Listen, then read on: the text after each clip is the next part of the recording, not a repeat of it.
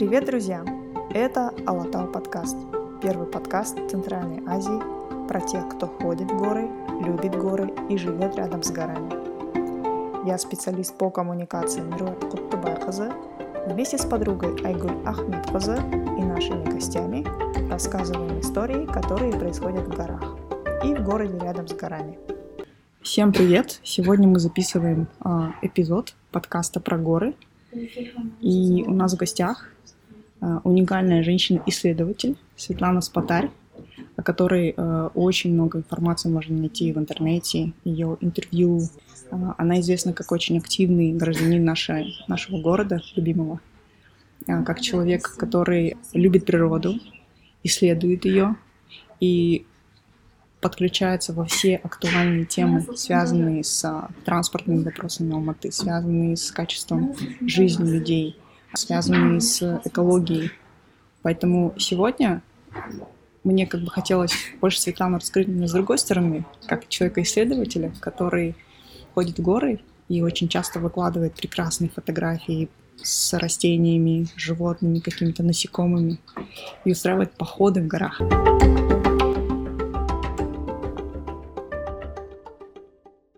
Светлана, добро пожаловать. Здравствуйте. Да, спасибо, что меня представили.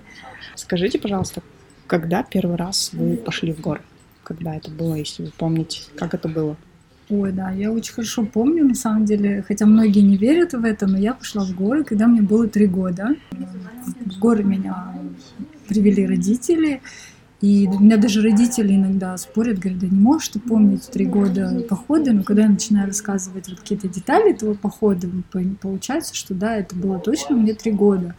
Вот, то есть из детства папа очень любил горы, ну, как бы папа, мама, и вот с детства они нас с сестрой всегда мы лето проводили в горах, то есть вот эти палатки старые еще там советские, папа на ногах, на плечах меня тащил, я вот это все помню.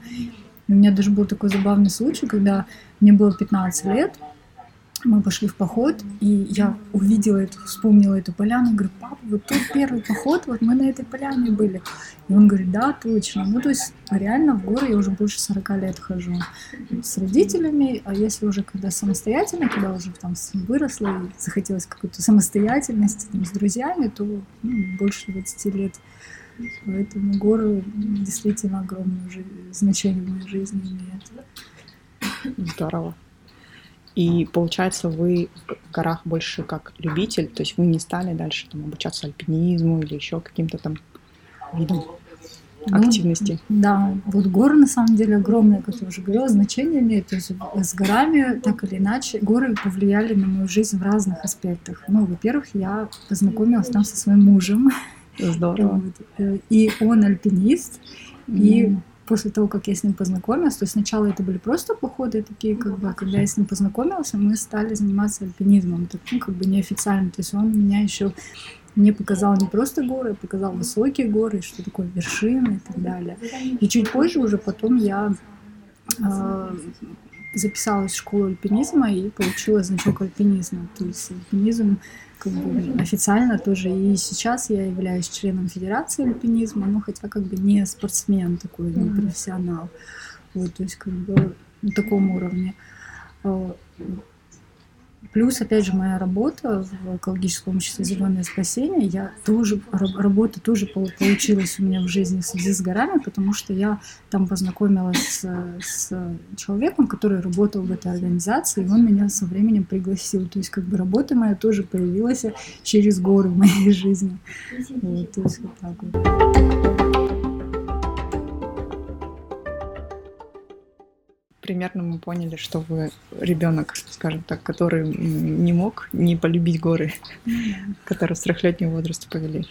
Скажите, а помимо походов, вот, которые вы сами для себя устраиваете, для а, в рамках, я так понимаю, вот этого тур-клуба «Пропеллер», как возникла вот эта идея, что вот делать квизы для детей, а, собирать вот так вот семьи? Потому что я часто вижу в ваших постах, что вы пишете «приглашаем в семейный поход».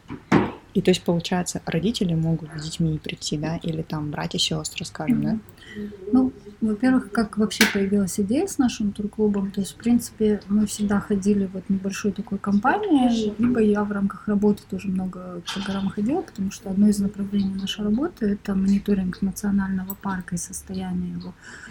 А, и вот, как вы говорили, я ну, люблю фотографировать, часто выкладываю фотографии в социальные сети, и в последнее время как-то мне часто люди стали обращаться, а можно с вами сходить.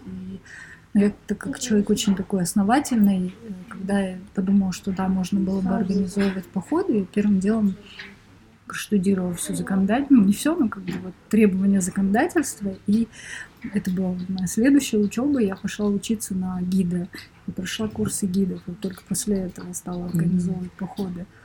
А это первый момент. А второй момент это то, что, ну, как бы у меня у самой есть ребенок, но этот ребенок такой большой, почти как вы, наверное. Вот, поэтому, как бы, тоже дочка с нами ходила в горы, ну, выросла, как бы, сейчас ну, своя жизнь.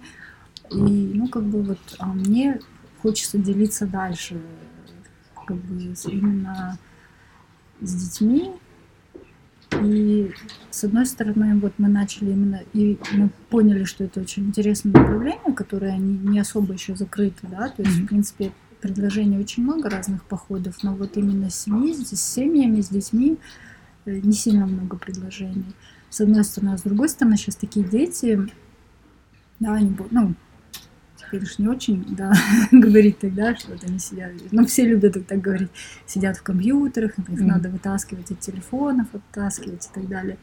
И мы когда начали ходить, сначала это были просто походы.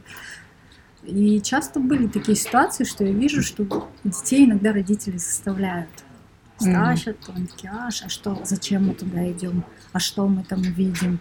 И вот тогда появилась идея организовать квест э, такой, чтобы, чтобы заинтересовать детей, чтобы для них не только были горы, но еще какие-то такие плюшки.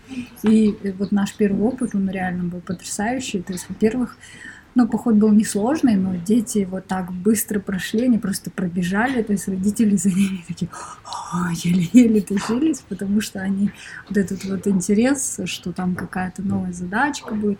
Хотя я сразу сказала, что призы, которые мы найдем, клад, mm-hmm они будут номинально очень простые. Это были просто такие печеньки вот, и там, ну, совсем простые сувенирчики.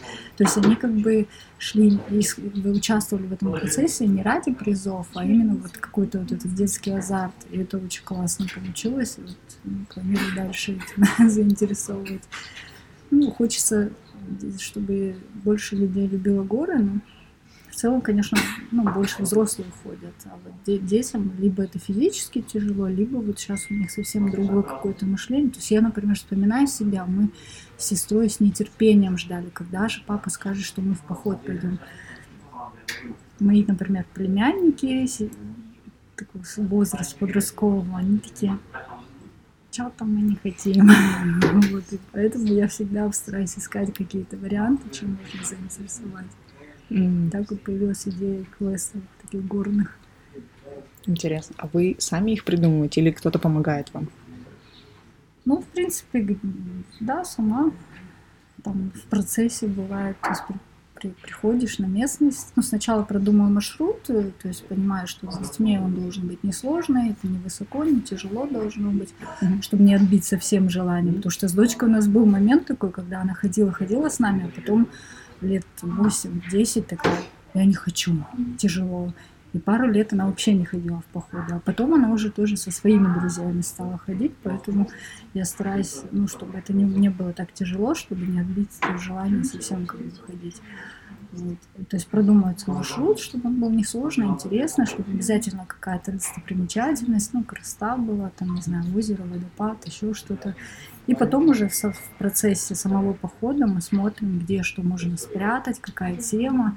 Ну и опять же, по работе я всегда, у меня такой в походах такие образовательные моменты, рассказываю про нацпарк, про наши горы, там, ну, дети тоже любят животных, цветы, то есть, в принципе, всегда на, на это тоже давлю. Еще момент у нас был интересный с этим, с компасом. Mm. Мы ходили, ориентировались, и это тоже прям дети такие с горящими глазами. То есть я говорила, что я не знаю, куда мы пойдем, но мы будем идти по компасу. И mm. вот это тоже был такой интересный, завлекающий, завлекающий момент. Здорово. Скажите, а вот э, те цветы, которые вы выкладываете, там растут в горах. Я вот благодаря вашим постам, кстати, узнала о том, что эти цветы там ядовитые, эти цветы такие. И думаю, хорошо, что я в силу еще моего такого бережного отношения, я никогда в горах стараюсь ничего не срывать, э, нигде там лишний раз не топтать, что понимаю, что это мы туда пришли в гости, это мы там находимся на территории вот флоры, фауны. И как вот дети реагируют, если, скажем, вы видите, там они тянутся, что я очень часто вижу в городе, что дети срывают просто листья с деревьев. Они как-то так вот могут там дерево э, ну, ногой там попинать, еще что-то сделать. Ну тут да, тут надо признаться, что не всегда было так. Например, когда мы ходили с родителями, у нас наоборот было правило, или если мы шли, например, с папой только в поход, он всегда говорил, надо маме букет принести обязательно с гор. Вот. И я честно признаюсь, что мы тюльпаны рвали краснокнижные, ну, потому что не знали.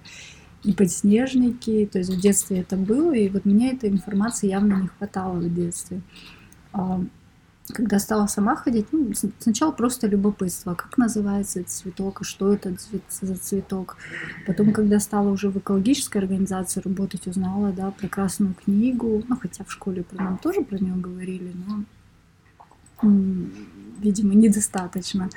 Вот. И потом уже из любопытства стала изучать, и мне попалась на э, книжка Э, это книжка Анны Андреевны Ващенко, которая называется э, «Цветковые растения Юго-Востока Казахстана». Mm-hmm. И она такого карма- карманного формата, я просто стала ее брать в походы. И ну, так вроде как определитель. А со временем, ну, там, в принципе, очень мало информации, и когда название прочитаешь, уже потом в интернете уже начинаешь какую-то дополнительную информацию искать, чем он особенный. Угу. И второй момент, я люблю чай с, с горными травами тоже, поэтому как бы тоже изучаю и собираю их иногда. И ну, тоже надо смотреть, как бы, когда начинаешь читать, обязательно у любого растения есть какие-то плюсы, но есть и минусы, то есть противопоказания. Тоже такие моменты. Очень интересно оказалось. Там иногда названия такие смешные. Я вот как-то писала, да, там uh-huh Э, целый месяц учила название шмальгаузения. Удивительный цветок у нас краснокнижный, высоко в горах растет такая колючка. Э, там еще какие-то э, вот этот ну, тюльпаны, про тюльпаны тоже прочитала очень много информации, то есть, несмотря на то, что все считают, да, там тюльпаны пошли из Голландии, на самом деле тюльпаны родина это вот Центральная Азия, и очень много интересных историй, то, что у нас их много видов, и как они растут, и где они растут. Куча интересных историй, которые как бы любопытство. Сначала просто название прочитал, потом какую-то особенность, потом иногда из названия думаешь, почему его так назвали, что это за человек, в честь кого его назвали. И вот так вот сидишь, сидишь, углубляешься. Это интересные моменты. А вот про ядовитых это тоже была, ну, как у нас говорится, жизненный опыт. Я реально в детстве очень сильно обожглась. Вот э, ясенец узколистный или неопалимая купина. И, ну, как бы на всю жизнь запомнила. То есть это реально был такой ожог. Мы в больницу попали. Причем мы тогда не поняли, что это было. И врачи только сказали, что, скорее всего, какое-то ядовитое растение. только спустя там какие-то годы я прочитала, что вот оказывается, что это было. Ну и, соответственно, тоже просто как любому человеку, как маме, мне захотелось предостеречь, я стала ну, часто об этом писать, что обратите внимание, у нас есть такие ядовитые растения. И этот момент, кстати, тоже помогает вот в, в походах с детьми, когда я говорю, ну, как бы, то есть, если им просто говоришь, не надо рвать цветы, не всегда это работает. А когда говоришь, что у нас есть ядовитые цветы, вот тогда они уже это либо спрашивают, либо просто как-то уже по-другому относятся. Угу. Личный опыт, как говорят, еще умный, как на чужих ошибках учатся. Но у меня получилось, что вот такое как за, за, зато запомнилось навсегда. Но с другой стороны, когда я кому-то рассказываю, то есть у меня вот тоже были лекции, и люди прям благодарили, что, оказывается, да, многие не знают. И тут, мне кажется, тоже такой минус есть, что вот у нас полномоченный орган, это тот же самый НИЦПАК, недостаточно проводит работы по популяризации своей своей как бы экосистемы. Угу. А есть в нацпарке человек, который может рассказать? Ну, егерь, он, Конечно, он, он может, у, них целый, да? у них целый отдел, там есть э, отдел науки, по науке, есть отдел по туризму. Ну, они там сидят у себя в администрации, что-то, наверное, делают. Но очень недостаточно, на мой взгляд, то, что у них сайт очень информативный. Ну, вот сейчас соцсети они открыли, потихонечку начали писать.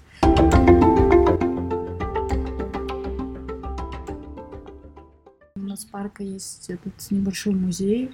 Кстати, мало кто, который знает, что вообще у них там... Ну, музей, музей в виде визит-центр. Не тот, который в Аюсае, mm. который непосредственно в самом нацпарке. Mm. Просто недостаточно работы и как бы приходится иногда за них делать ее, как говорится. Да, хотя музей а, это такое место, куда любой человек, который вновь только приехал и хочет узнать страну, да. город, он приходит в музей, чтобы понять, какая история была, какие люди здесь жили. Я просто сама поклонник музея, а, и я училась в стране, где сотни музеев. В Нидерландах есть музеи, мне кажется, на все. Mm-hmm. То есть, да. начиная от музея там, книг, где я видела самую маленькую книжку, в принципе, изданную, заканчивая там, естественно, музеем Анны Франк, музеем там Ван Гога и так далее. А, кстати, вот в вашем профайле была информация о том, что вы также работаете в эко-музее. Расскажите, что это за эко-музей? О, это потрясающая организация, это тоже одна из, одна из старейших экологических организаций. Они вообще в Караганде. А, ну, я с ними удаленно работаю. Я давно с ними дружила, сотрудничала, и когда они а, объявили, что у них есть вакансия вот, по специалисту по связям с общественностью, я первым делом позвонила, сказала, я хочу тоже быть в вашей команде, ну, если это возможно, вот удаленно работать. Это уникальная, на самом деле, организация. То есть они как бы два момента. С одной стороны, это экологический музей, который единственный в Казахстане и даже в Центральной Азии, наверное, на постсоветском пространстве. И общественная организация, которая тоже занимается защитой прав, на, ну, экологических прав людей. Вот, у них такой потрясающий зал, то есть когда мы попали, я еще тогда не работала, случайно как бы в гости приехали в Караганду к друзьям и зашли в этот зал, где Э, какие-то непонятные экспонаты. Они, э, когда создавали музей, у них была цель показать, как вот человек влияет на окружающую среду, какие есть, то есть через, вот, через такую визуальную информационную работу э, привлечь внимание к экологическим проблемам региона. И там очень много интересных экспонатов. Там у них часть ракеты «Протон», есть, есть какие-то, они ездили, они очень много работали с Симпатинским ядерным полигоном, они там собирали всякие штуки непонятные, проверяли их на радиоактивность, там, и еще одна из особенностей это то, что там все можно трогать руками, то есть там такие экспозиции, которые ты там как будто ты находишься в шахте, ты можешь там понажимать на кнопочки, какие-то старый телефон с такой ручкой, который в шахте находится металлический невероятно интересное место. Если будете в Караганде, обязательно сходите, очень рекомендую. Здорово. А можно как-то посмотреть через их сайт э, в целом описание? У них есть какая-то информация в сети? Они... Да, у них есть сайт. И, кстати, это хороший вопрос, то, что я сейчас понимаю, что там, наверное, про музей недостаточно много информации, мне нужно будет в этом направлении поработать. Mm. То есть там такая общая информация о музее, какие экспонаты. Надо будет еще, наверное, дополнить что-то. Интересно, потому что, как правило, ну, северный регион, они больше такие там места, э, исторические музеи связаны с не очень, как бы, э, такими веселыми периодами ну, да, истории в Казахстана. там есть такие музеи тоже, но вот этот он такой другой. А кто основал этот музей? А Дмитрий Калмыков, он mm-hmm. инициатор, ученый, эколог, причем, почему вот я его спрашиваю, почему он начал этим заниматься, ну, еще такой момент, что он участвовал в ликвидации Чернобыльской АЭС, то есть это его специализация. Mm-hmm. Вот, и когда он приехал в Казахстан после своей учебы, а, сам он с Украины, а, вот э, и очень много работал с ядерным полигоном Семипалатинским, ну, вообще по вопросам радиоактивной безопасности, вот появилась такая идея. То есть сначала просто, говорит, собирали какие-то объекты, оставляли их, потом поняли, что их слишком много стало, во-первых, и с другой стороны, что это может быть интересно другим, и не помню, сколько лет они собирали все это, и в 2005 году он открылся. То есть, получается, в этом музее э, поднимаются вопросы экологии не только Каргининского да, региона, но и вообще в целом Казахстана. Да, в целом по Казахстану. Ну, больше всего, конечно, именно центральный Казахстан, mm. другие тоже проблемы. Очень интересно. Еще, еще одна причина поехать в Караганду. А, да.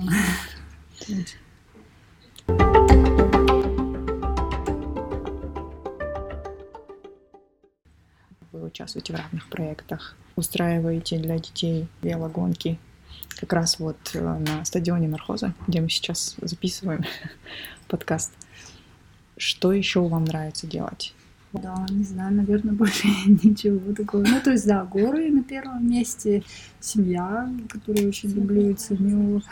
Э, велосипедная активность у нас, да, тоже с 2007 года мы занимались вопросами развития велосипедной инфраструктуры. Как все люди, наверное, люблю музыку, там, творчество. Мечтаю, вот, э, не знаю, на пенсию выйду, когда, наверное, будет больше времени, хотелось бы рисовать, там что-то такое. Ну, фотографию тоже. Вот сейчас как бы все у нас, все, все себя считают фотографами, но вот тоже очень люблю это дело. А что вы фотографируете чаще? Ну, помимо гор, растений, животных? Ну, в городе мне тоже нравится вот, архитектура, урбанистика. Это, ну, все равно оно все взаимосвязано, как-то город, экология, транспорт. Еще у меня есть собака, которую я тоже очень люблю. Там занимаемся с ней, гуляем. И вы еще любите писать. То есть я просто заметила в ваших текстах такие аллегории, как танцующие сосны, маленькие фонарики, солнцецвет джунгарский. И это так поэтично звучит, что ты действительно смотришь на фотографии и думаешь, действительно сосна танцует, что-то есть в ее там ветках, как будто она руками какие-то делает завитки и еще что-то. Ну, на самом деле, мне кажется, недостаточно. Кстати, в этом направлении бы еще можно было бы поработать э, не, не столько, насколько хотелось бы, но ну, на самом деле, вот танцующие сосны или там вот этот соцвет джунгарский, это, это не мои как бы выдумки, то есть это где-то я увидела, услышала, либо это прям название такое. Вот, но, да, я понимаю, что помимо, то с одной стороны, сейчас все говорят, у нас люди визуалы, да, сейчас видят mm-hmm. картинку, видео, мне кажется, что, ну, вернее, даже как бы и опыт э, работы с соцсетями показал, что если те, текст интересный, то как-то больше внимания выделяет. Я помню, как-то кто-то даже небольшое исследование делал, то есть красивые картинки выкладывал, mm-hmm. а потом сравнивал а, охваты, когда картинка, когда две картинки красивые, реально, как бы визуально, но выиграет все-таки та, у которой есть еще какой-то текст. Ну, стараюсь. не всегда получается, не всегда хватает времени, но стараюсь тоже как-то да, описывать, привлекать внимание. А стихи вы не пишете? Нет, вот стихи и музыка, это у меня, это для меня что-то такое фантастическое. Люди, которые умеют играть на музыкальных инструментах и понимают ноты, для меня это люди из космоса. Mm. Стихи тоже никогда не, не пробовала, нет. А какую музыку любите слушать? На самом деле разное, все зависит от настроения. Люблю классику, вспоминаю, с другой стороны, там свою молодость, когда мы там русский рок слушали. То есть, ну, как-то так, очень разное. Иногда что-то такое простое, популярное хочется послушать. В общем, очень разное. У меня нет какого-то такого четкого, что я там только одно люблю. Все зависит от настроения.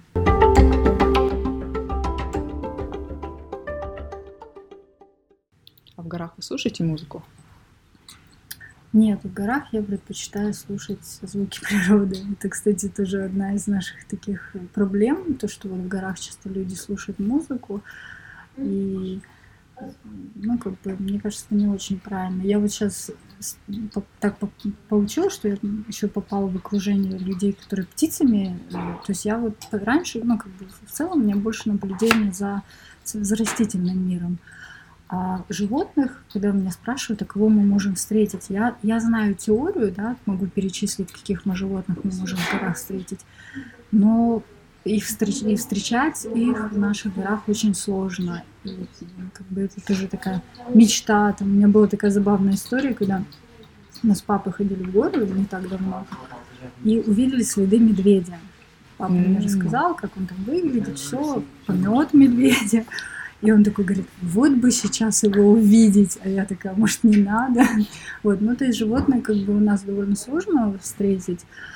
А, и ну, и, и это тоже одно из таких правил, да, что нужно идти тихо, если мы хотим что-то увидеть или там птицу какую-то.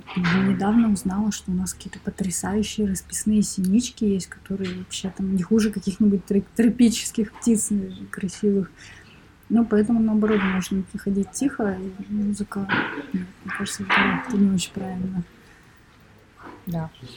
А, я вот просто еще замечаю ребят, ну, и это явно ребята или школьники, или студенты, которые ходят э, с пакетами, э, с пятилитровыми э, бутылками. И все это, конечно, тяжело нести в горы. И когда я спрашиваю, ребята, куда вы идете? Ну, мы вот идем в поход. И еще я сейчас встречаю тех, у кого есть вот эта вот колонка. портативная колонка. И я говорю, что ну, вы же пришли сюда, чтобы отдохнуть от города. Зачем вы город несете с собой в горы? В горы? Они на меня очень удивленно смотрят. И сейчас вот ну, я надеюсь, благодаря и в том числе этому подкасту, чтобы люди больше узнавали, как вести себя правильно в горах, в чем как бы кайф ходить в горы, и в чем отличие да, того, что ты когда ты находишься в городе и когда ты приходишь в горы. И это очень важный момент. Почему он такой с двух, с двух сторон важный? То есть, с одной стороны, а, это юридическое требование, то есть если мы идем в горы, а наши горы это, ну, во всяком случае, в окрестностях Алматы, это особо охраняемая природная территория или Алтауский национальный парк. И там есть правила посещения, в которых четко прописано, что запрещено шумовое воздействие, потому что это мешает животным. С другой стороны, это элементарная этика, да, то есть если мы говорим, что люди идут в горы отдохнуть от шума города, то ну, не мешайте и людям тоже. И для меня это тоже прям большая проблема. У меня разные были ситуации. Были случаи, когда я пыталась объяснить просто, ну, по-хорошему, то есть, ребят, выключите, пожалуйста, музыку, музыку, мы пришли отдохнуть. А были прям конфликты со студентами. Я даже потом ну, через работу мы писали жалобу, потому что они тащили на Кокжаляу вот такую колонку, которая как чемодан с такой ручкой, огромная такая колонка. То есть, во-первых, это было тяжело. Я говорю, зачем вы ее туда тащите?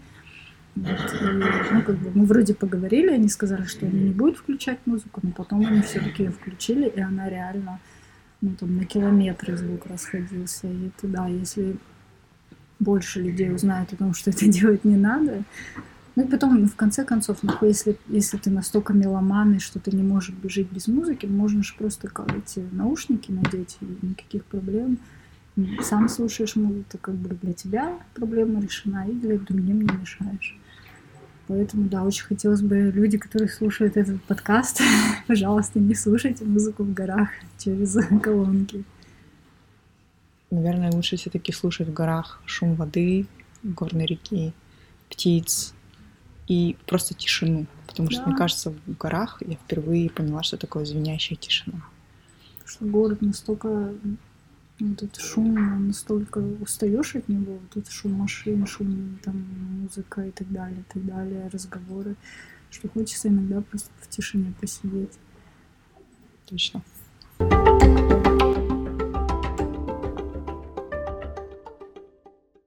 Нас чат, вот, где мы школа горных гидов э, обучались, у нас остался, у нас есть чат, там много очень людей, больше ста человек, и мы даже там обсуждали, вот делать замечания или не делать. То есть ты понимаешь, что с другой стороны, вот у молодежи вот это э, противопоставление, когда начинаешь нравоучением читать, они такие, ну, просто тупо могут послать, как говорится, на три буквы. И вот ты такой думаешь, сейчас вот тебя пошлют, у тебя испортится настроение.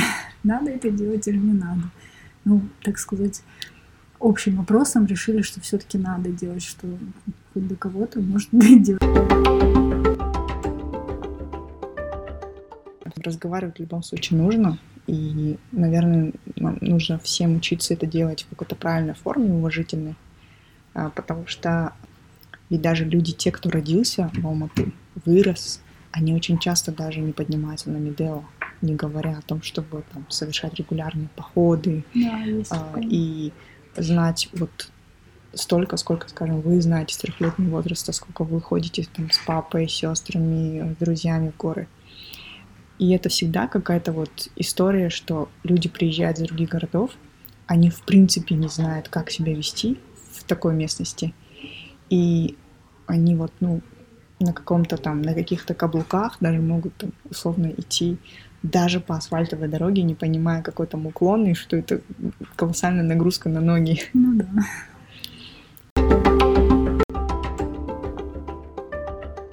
А, Скажите, вот э, вы говорили, что вы учились гидом, как стать э, горным гидом.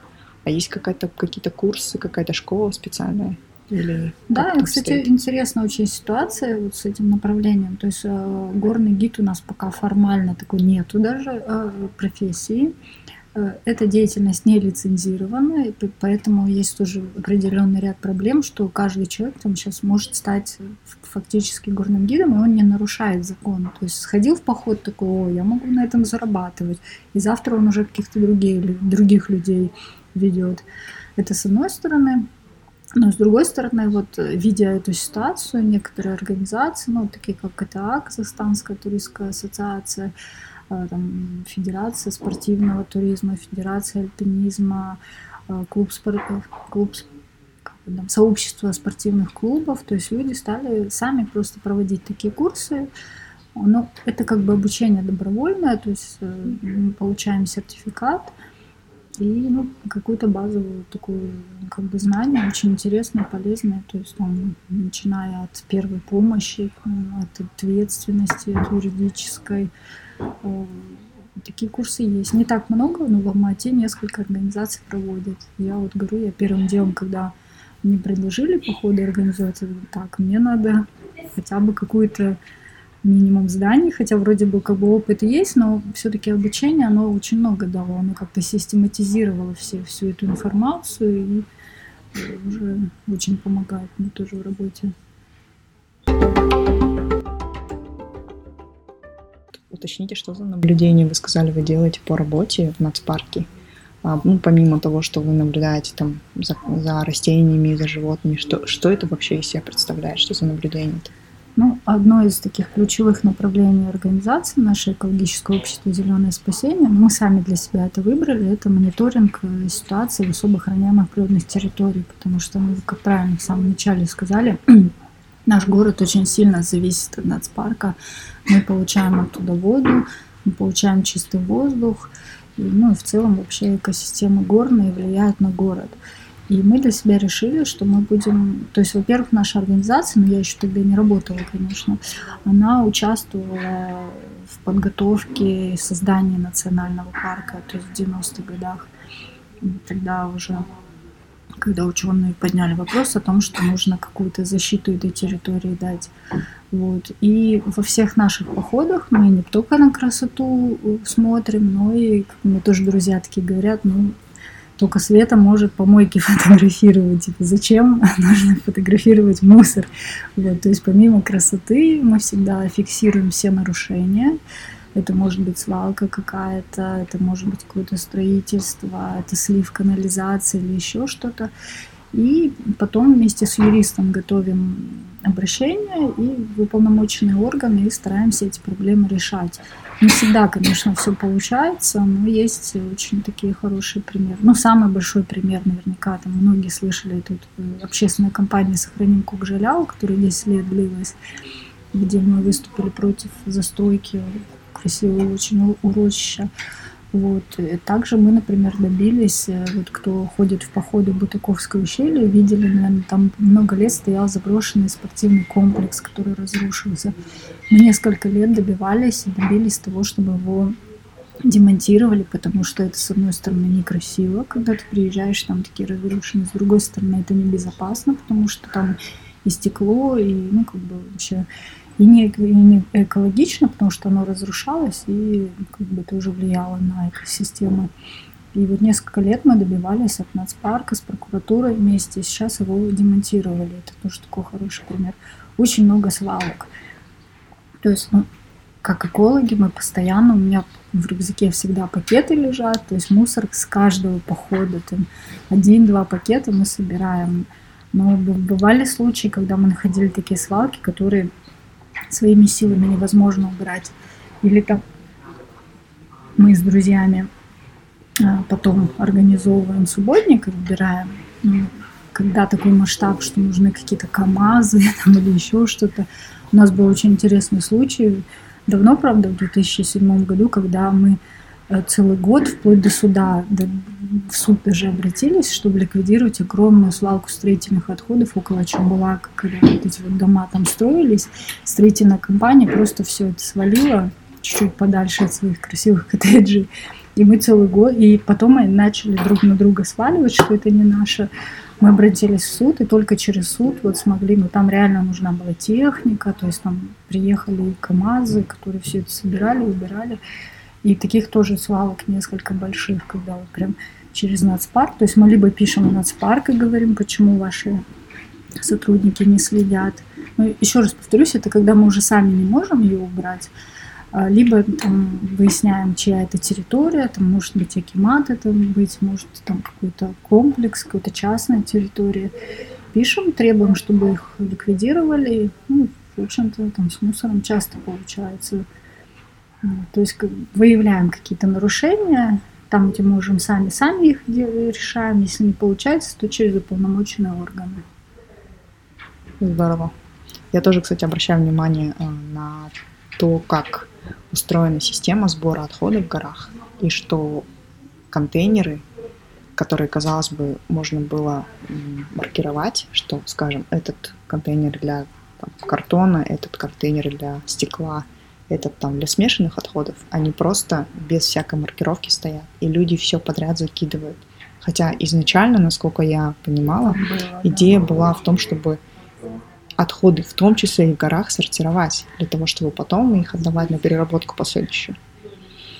Ну, а на самом деле тут тоже такой сложный вопрос. Вот, например, наша организация, мы вообще считаем, что в горах вообще в принципе не должно быть контейнеров. То есть они должны быть либо только на въездах, и уж ни в коем случае где-то высоко, потому что, ну, как бы, что принес, то и должен унести. Это, в принципе, международная практика для таких горных э, экосистем. Вот, потому что ну, некого. Во-первых, у нас очень многие жители, ну, алматинцы, там, туристы считают, что наши лесники – это дворники. Типа мы заплатили за вход на в КПП нацпарк, поэтому они пусть убирают. Нет, у лесников совсем другие задачи, они вообще не должны мусор. Вообще у нацпарка не должно быть в полномочиях заниматься уборкой мусора.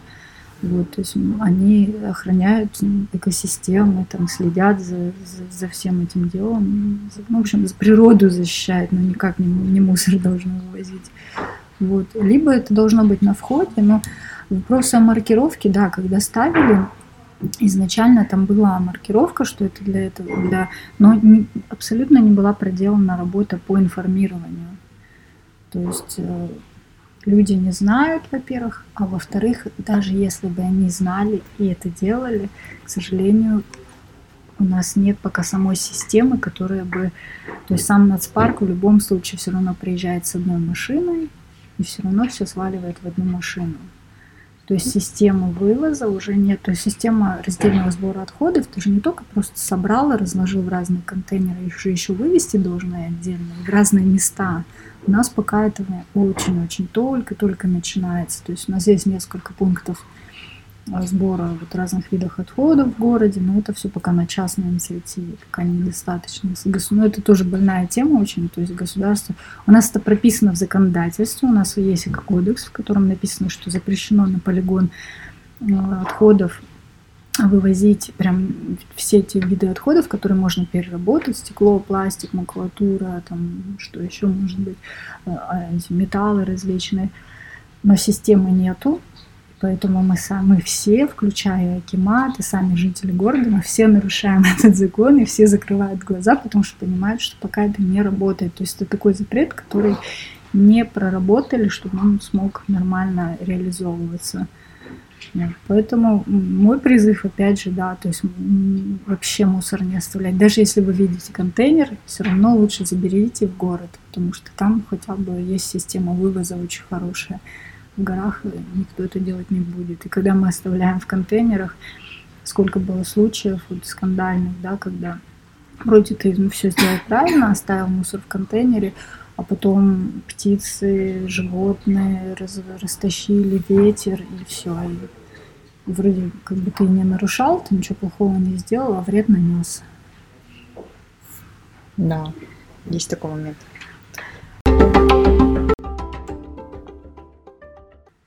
Можно стать волонтерами вашего фонда, чтобы какую-то информацию необходимую вам, может быть, кто-то согласится Конечно. регулярно мы собирать только, мы только и предоставлять. Рады будем. Мы, мы всегда пишем, что если вы нашли какое-то нарушение, если у вас нет возможности самому, то есть с одной стороны мы а, как бы призываем людей пытаться самим решать. Мы делаем шаблоны писем, то есть мы, например, столкнулись с тем, что не все умеют письма писать а, с одной стороны. С другой стороны, не все люди понимают систему государственного управления.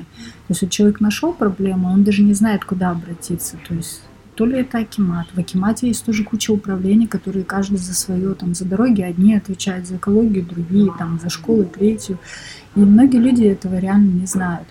У нас как бы опыт есть, поэтому мы обычно пишем, либо помогаем, говорим, что мы вам можем дать шаблон письма и расскажем, куда написать. Мы понимаем, опять же, что у людей нет каких-то ресурсов, даже, может, просто времени, поэтому мы говорим, просто присылайте нам фотографии, расскажите, где вы это нашли, и мы сами сделаем. Поэтому, да, можно так делать. Просто то есть вы можете, если вы хотите сами решить проблему, мы вам поможем, подскажем, как ее решить. Если у вас не получается, но вы все равно бы хотели, чтобы она была решена, вы можете к нам обратиться. То есть зеленое спасение набираете в любом поисковике, выйдите на сайт, и там куча информации, в том числе наши контакты.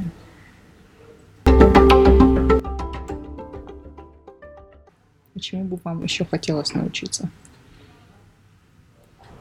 Ну, я всегда э, э, чувствую недостаток юридических знаний. У меня даже какое-то время было желание еще поступить на юридический, но вот как-то не сложилось. То есть, конечно, вообще как бы все вижу, что у многих людей очень не хватает вот этой базовой информации. Мне кажется, даже где-то на школьном уровне должно быть. Я как-то я иногда встречаю там людей, которые даже не знают, там, кто Аким города. Ну, типа, люди говорят, мы вне политики, то есть слово Аким знают, а даже фамилию не знают. Вот, то есть, да, мне бы, наверное, вот эта информация. Ну, на самом деле, постоянно что-то еще хочется. Когда я стала вот увлекаться цветами, я такая, блин, мне муж такой говорит, я надеюсь, ты там в этот э, ботаником не пойдешь учить, на ботаника учиться. То есть где-то иногда вот этой информации не хватает, хотелось бы, может быть, даже, там, не знаю, дополнительное образование получить или еще что-то. Или что-то на стыке, да?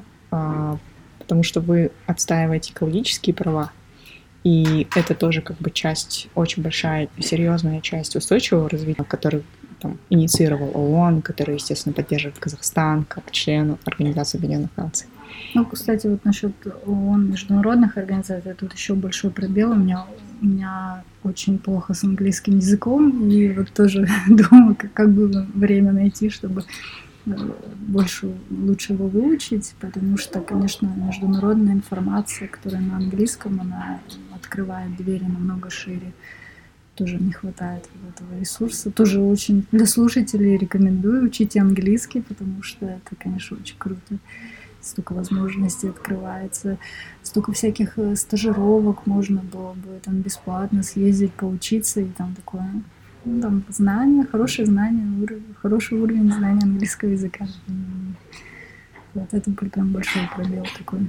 Тоже хотелось бы. А вы часто ездите в путешествия? Ну, хотя бы там по Казахстану? Ну, хотелось бы чаще, скажем так, да.